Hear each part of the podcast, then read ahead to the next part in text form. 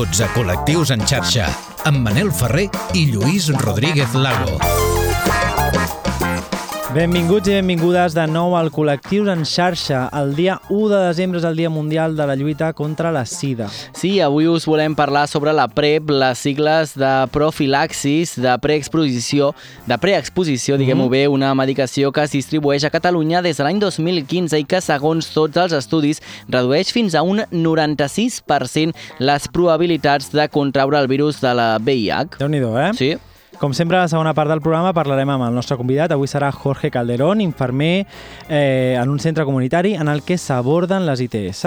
avui al Col·lectius en xarxa, la, La PrEP. Estàs escoltant Col·lectius en xarxa. amb Manel Ferrer i Lluís Rodríguez Lago.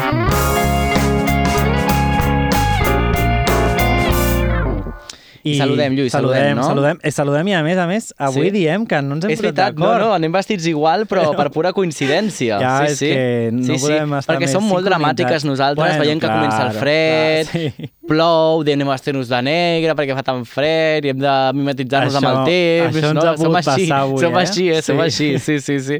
doncs a tothom que ens està veient, exacte, a través de l'Instagram, a través del YouTube, Mhm. escoltar-nos per Spotify, per iVoox, per Apple Podcast, Google Podcast, a les ràdios locals, per tot arreu. Per tot arreu. És que si hi ha algú que diu, no, no, on no puc escoltar? A mi m'ofèn aquesta home, pregunta. A mi m'ofèn. A aquestes alçades. Clar, a mi m'ofèn I, aquesta I pregunta. ja us hem ensenyat les tasses 400 Exacte, tothom vegades. diu, ah, jo vull una demanar als Reis. Bueno, doncs demaneu-la a veure si us la porten. A veure. És l'únic que els hi podem dir. Lluís, anem a entrar en matèria, va, anem a entrar en matèria perquè des de l'any 1987, cada 1 de desembre al món es commemora el Dia Mundial de la Sida per donar suport a les persones que viuen amb el VIH i a les que estan afectades pel virus i també per recordar les persones que han mort per malalties relacionades amb la Sida i per eh, no oblidar que hem de continuar actius sense treva en la resposta enfront del VIH. Aquest any 2022 fa 41 anys després dels primers eh, cas diagnosticat de Sida a Catalunya. Actualment hi ha aproximadament unes 33.000 persones que viuen amb el VIH al nostre país. Exacte, i la PrEP, o la profilaxi de preexposició, és una estratègia de prevenció del VIH que consisteix a prendre una medicació contra el virus, un, un antirretroviral, abans d'estar potencialment exposat a ell, per tal d'evitar la probabilitat d'infecció.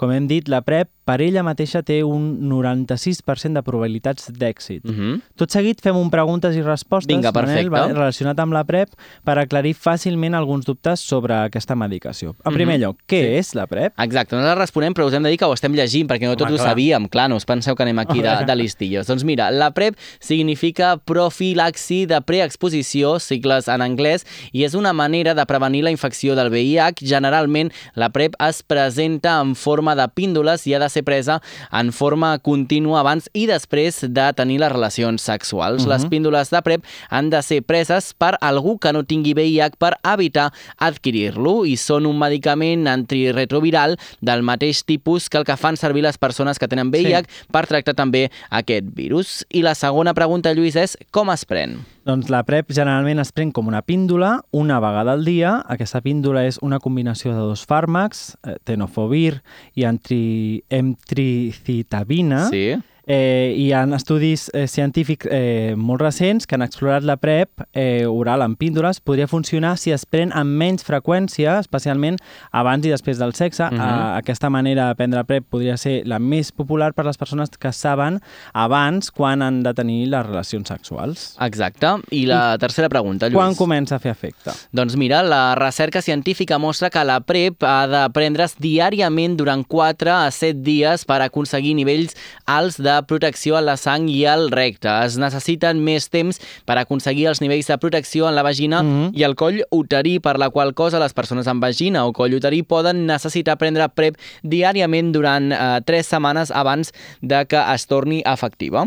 I la següent pregunta és també quins són els efectes secundaris? Doncs que algunes persones que prenen PrEP poden tenir efectes secundaris com nàusees. En general, els efectes secundaris no són mai seriosos i desapareixen amb el temps. Com amb tota medicació, si estàs prenent PrEP, digues-li al, teu, al, al teu professional de la salut, de confiança, eh, si tens un efecte secundari que et causa problemes i no desapareix. Catalunya finança íntegrament aquest tractament després d'impulsar est- estudis per analitzar la seva seva factibilitat. Aquest tractament va començar a dispensar-se a càrrec del sistema públic català de salut amb la previsió de beneficiar prop de 2.500 persones a Catalunya. I en concret, la PrEP es recomana a homes que tenen sexe amb homes, dones transexuals i persones que exerceixen la prostitució sense utilitzar el preservatiu. Es considera que aquest col·lectiu de persones té una incidència de VIH superior a dos casos per 100 persones l'any. Perquè els pols oposats també s'atreuen, escolta Col·lectius en xarxa. I tot i que queda una mica lleig, parlarem de diners avui al Mhm. Col·lectius en xarxa perquè eh, un estudi de l'Hospital Germans Trias i Pujol, el Centre de Recerca en Economia i Salut i la Universitat Pompeu Fabra i el projecte Noms Hispanocida del BCN Checkpoint han calculat en 93 milions d'euros que podria ser l'estalvi potencial de la generalització de l'ús del tractament de la PrEP eh, i, i que aquest eh, estalvi es podria generar en el sistema públic de salut. Uh -huh. I a més, aquest estudi presentat al 12è Congrés Nacional de GESIDA ha calculat també que el tractament anual amb la PrEP per una persona té un preu de 1,43 euros, serien No, no, no, no, 1.433 euros, d'acord? Sí, sí. Mentre que el cost del tractament antiretroviral per una persona infectada pel VIH ascendeix als 8.500 euros aproximadament. diferència Hi ha molt moltíssima gran. diferència, sí, sí. Segons Nacions Unides, es calcula que la sida causa la mort eh, de 690.000 persones en tot, eh, en tot el món i encara afecta de forma molt important a determinades poblacions de risc. A l'estat espanyol, per exemple, el col·lectiu d'homes que tenen sexe amb homes Uh -huh. va suposar el 57% dels nous, dels nous diagnòstics. Fixem-nos que aquest estudi no parla d'homes eh, homosexuals o bisexuals, parla d'aquesta categoria, homes que Mhm. tenen sexe amb altres homes. Nosaltres en vàrem fer, en vàrem parlar Sí. un programa no? la temporada passada, Ahà. crec que el que es deia Bad Sex, Sí, no? sí. si no recordo malament, i, i aquesta categoria és la que s'usa en, en ciència per parlar justament d'això, d'homes que tenen sexe amb altres homes sense, sense entrar en si són homosexuals, bisexuals o heterosexuals Mhm. també. Doncs eh, també us expliquem que la PrEP és una estratègia sanitària que evidentment busca la disminució dels casos positius de VIH i a nivell poblacional, combinada amb altres estratègies de prevenció com el cribatge del VIH i la promoció de l'ús del preservatiu, s'ha evidenciat que la PrEP està contribuint a reduir els nous diagnòstics de VIH que a Catalunya s'estimen en 600 anuals. De fet, on s'ha implementat des del sistema públic, l'estratègia ha estat més exitosa, entre d'altres raons perquè així es vol reduir el nombre de persones que estan usant la PrEP pel seu compte, adquirint-la per internet, malgrat estar prohibit mm -hmm. i exposant-se al perill que això comporta en quant al desconeixement de l'origen i la veracitat del fàrmac o a la manca d'un seguiment professional adequat. En aquest sentit, l'estratègia PrEP va més enllà de la prescripció d'un fàrmac, sinó que suposa una intervenció integral que inclou el cribatge, el diagnòstic i la prevenció d'altres ITS, el consell assistit per detectar altres necessitats i derivació a diferents serveis i recursos especialitzats. És que, de fet, Lluís, és importantíssim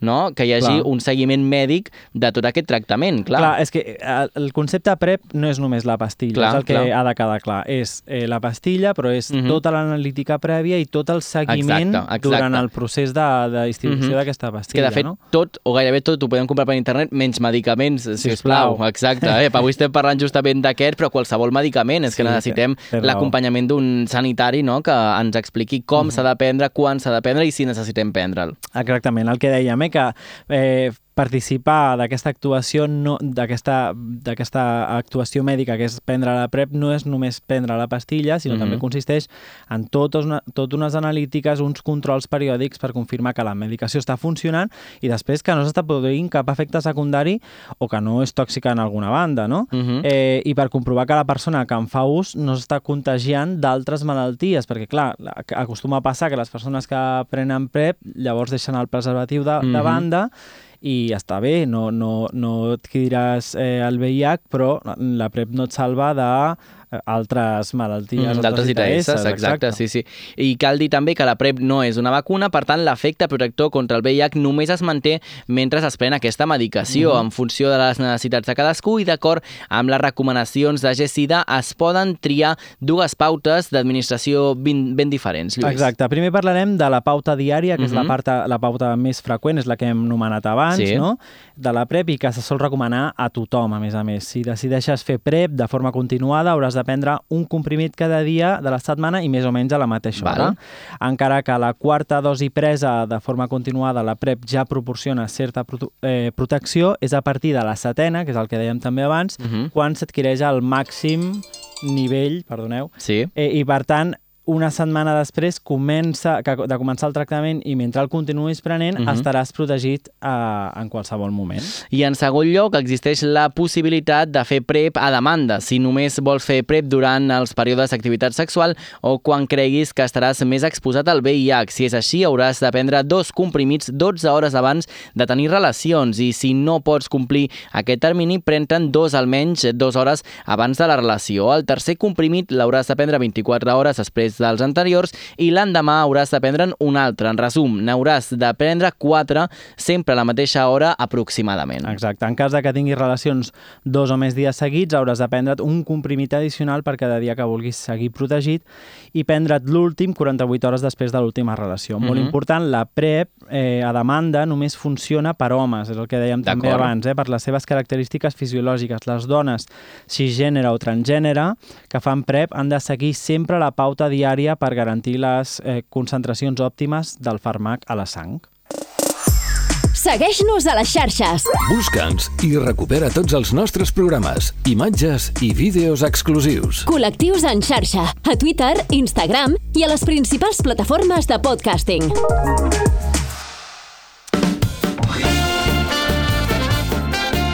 I en aquest capítol del Col·lectius en xarxa tenim la sort de tenir nosaltres a Jorge Calderón, infermer que treballa directament amb persones que participen del tractament de la PrEP. Com estàs, Jorge? Què tal? Hola, bona tarda a tothom, què tal? Molt bé. Gràcies per acompanyar-nos i passar per al Col·lectius en xarxa també en aquest eh, episodi que estem dedicant avui a, a la PrEP. Mira, el primer que et volíem preguntar és eh, quines són les teves funcions al PrEP Point?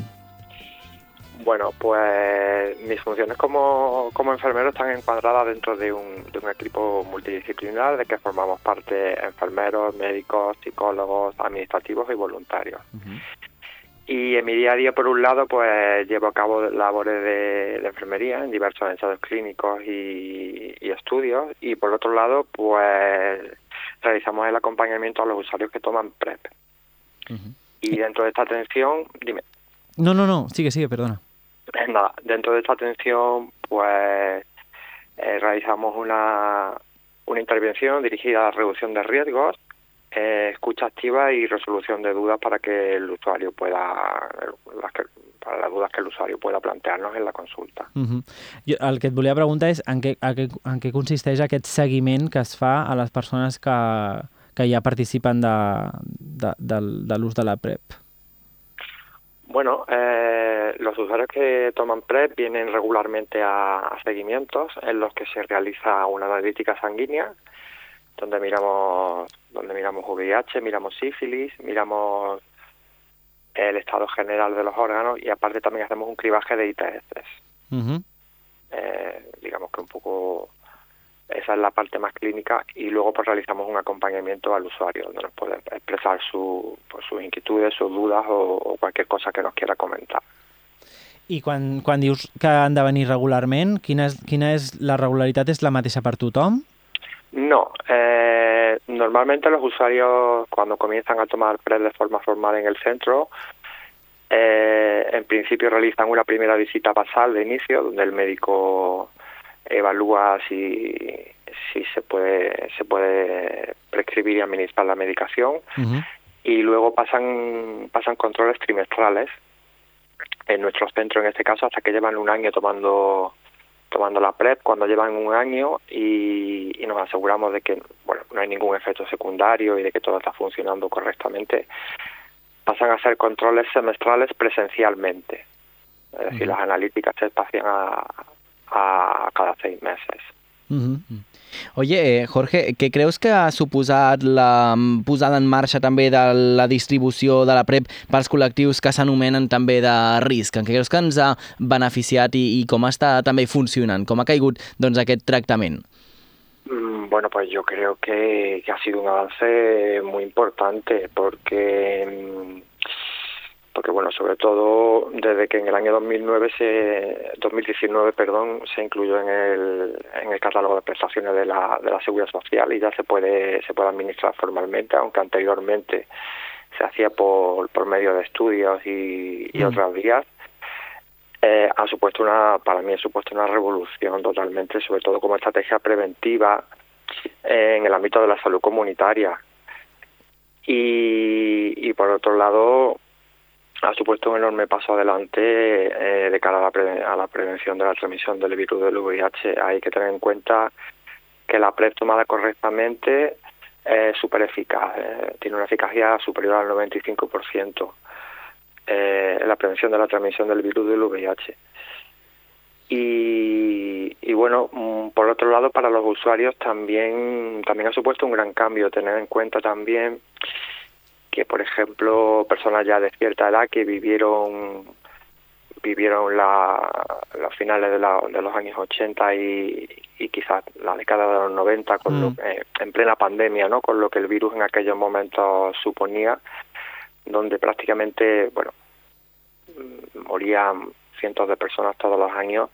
Eh, todo eso ha cambiado mucho y actualmente eh, mm, ellos muchas veces nos manifiestan en la consulta que, pueden tener una sexualidad más plena, disfrutar más del sexo sin ese miedo, sin ese estigma.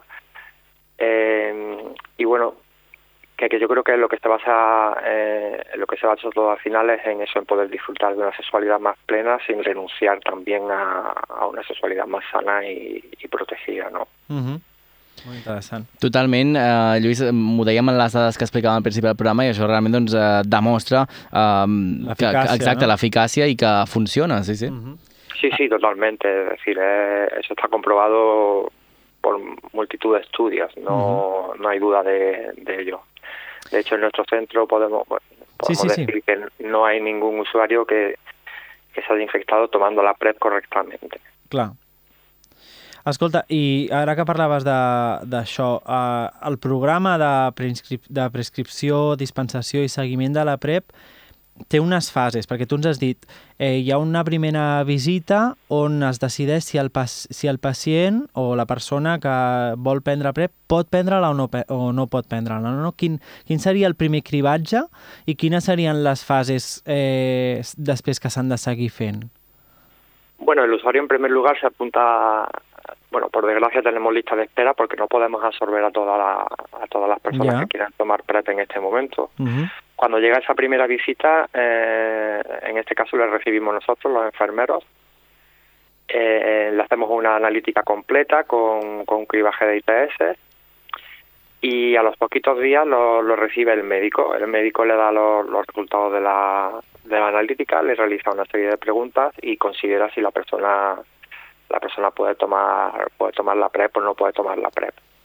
A partir de ahí, eh, en esa visita el médico le da la le da la, la PrEP y luego empiezan los controles, como te he comentado antes. Vienen al primer mes vienen a un control y a partir de ahí se hacen controles trimestrales hasta que llevan llevan un año, Un año. Ujú.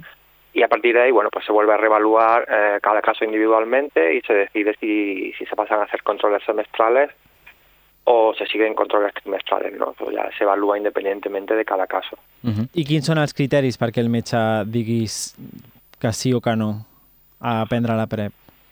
Bueno, eh, en principio, obviamente, mm, que la persona no tenga, no, no- no sea, no conviva con el virus del VIH. Aquest és un, sí que nosaltres l'hem dit, sí, sí. Es una obviedad, pero bueno, eh, eso se debe de saber, ¿no? Que la PrEP Sí, no, sí. La, no la puede tomar ninguna persona que tenga VIH. Y luego, bueno, salvo eso, pues también en el caso de, de la PrEP, uno de los efectos secundarios que puede tener, aunque no es muy frecuente, es una alteración de la función renal. En ese caso, bueno, el médico mirando las analíticas pues se asegura de que, de que el riñón está funcionando correctamente Vale. y de que tomar la PrEP no supone un riesgo para, para la persona. Uh -huh, uh -huh.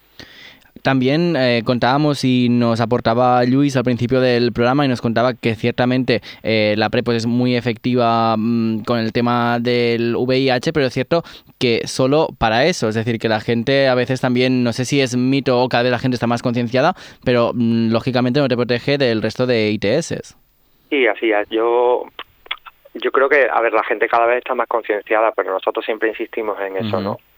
Que la PrEP es una pastilla que impide que las personas se puedan eh, puedan controlar la infección de VIH, pero no sirve para ninguna Claro. otra ITS, ¿no? Claro. Entonces, bueno, para eso, mm, pues existen otros métodos como puede ser el preservativo, o- Ujú. pero solo la PrEP solo sirve para, para VIH, no, no funciona contra ninguna otra ITS. Escolta, i quins són el, els dubtes que acostumen a aparèixer quan, dels usuaris? Bueno, pues eh, los usuarios nos suelen preguntar eh, muchas cosas. ¿eh?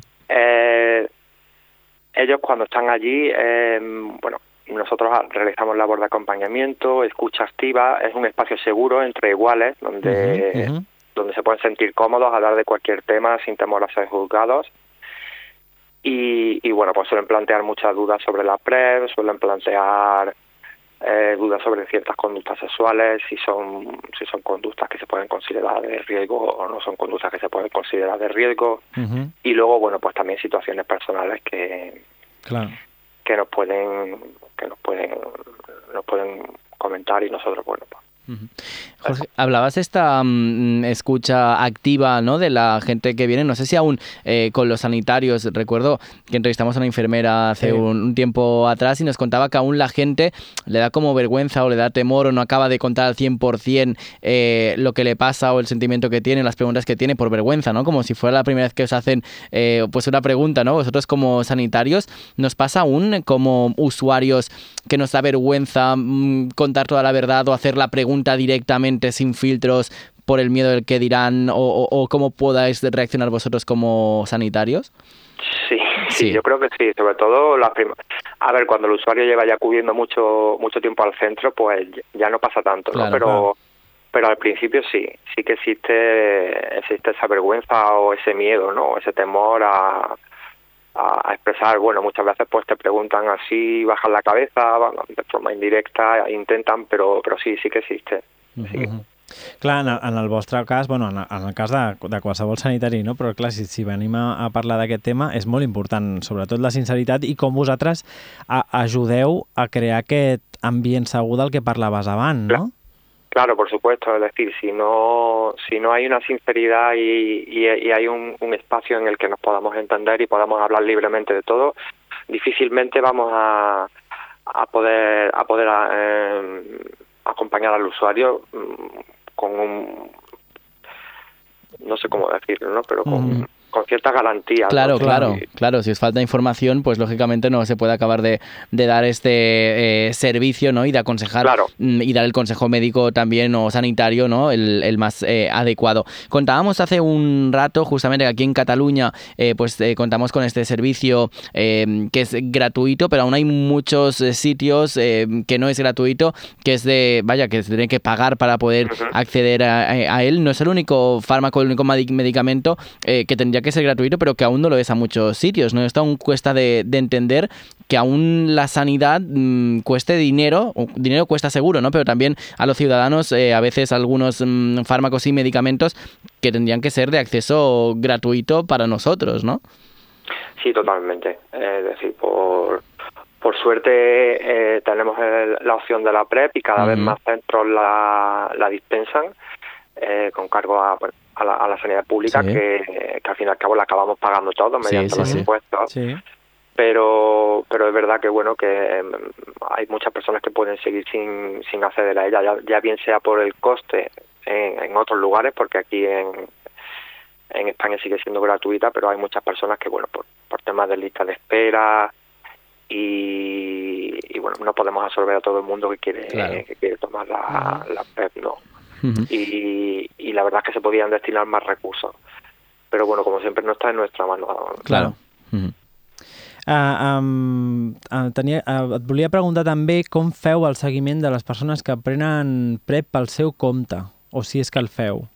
Sí, eh, en el centro seguimos también a, a, a personas que, a usuarios que toman la PrEP por, por su cuenta, es decir, que no, eh, la- en- en- en los casos en los que nosotros no lo dispensamos, Sí. ellos consiguen la PrEP por otras vías, Uh pero el proceso no difiere mucho, la verdad, porque luego ellos vienen al centro, eh, se, se hacen sus pruebas de, de, de ITS, se hacen sus pruebas de VIH, eh, el acompañamiento sigue siendo prácticamente el mismo, ellos nos pueden, nos pueden como cualquier usuario, se pueden comentar cualquier cualquier tema, cualquier duda, y, y lo único que difiere realmente es el método de, de adquisición del fármaco. Claro. Y no se lo damos nosotros, ellos lo, lo consiguen por otras vías.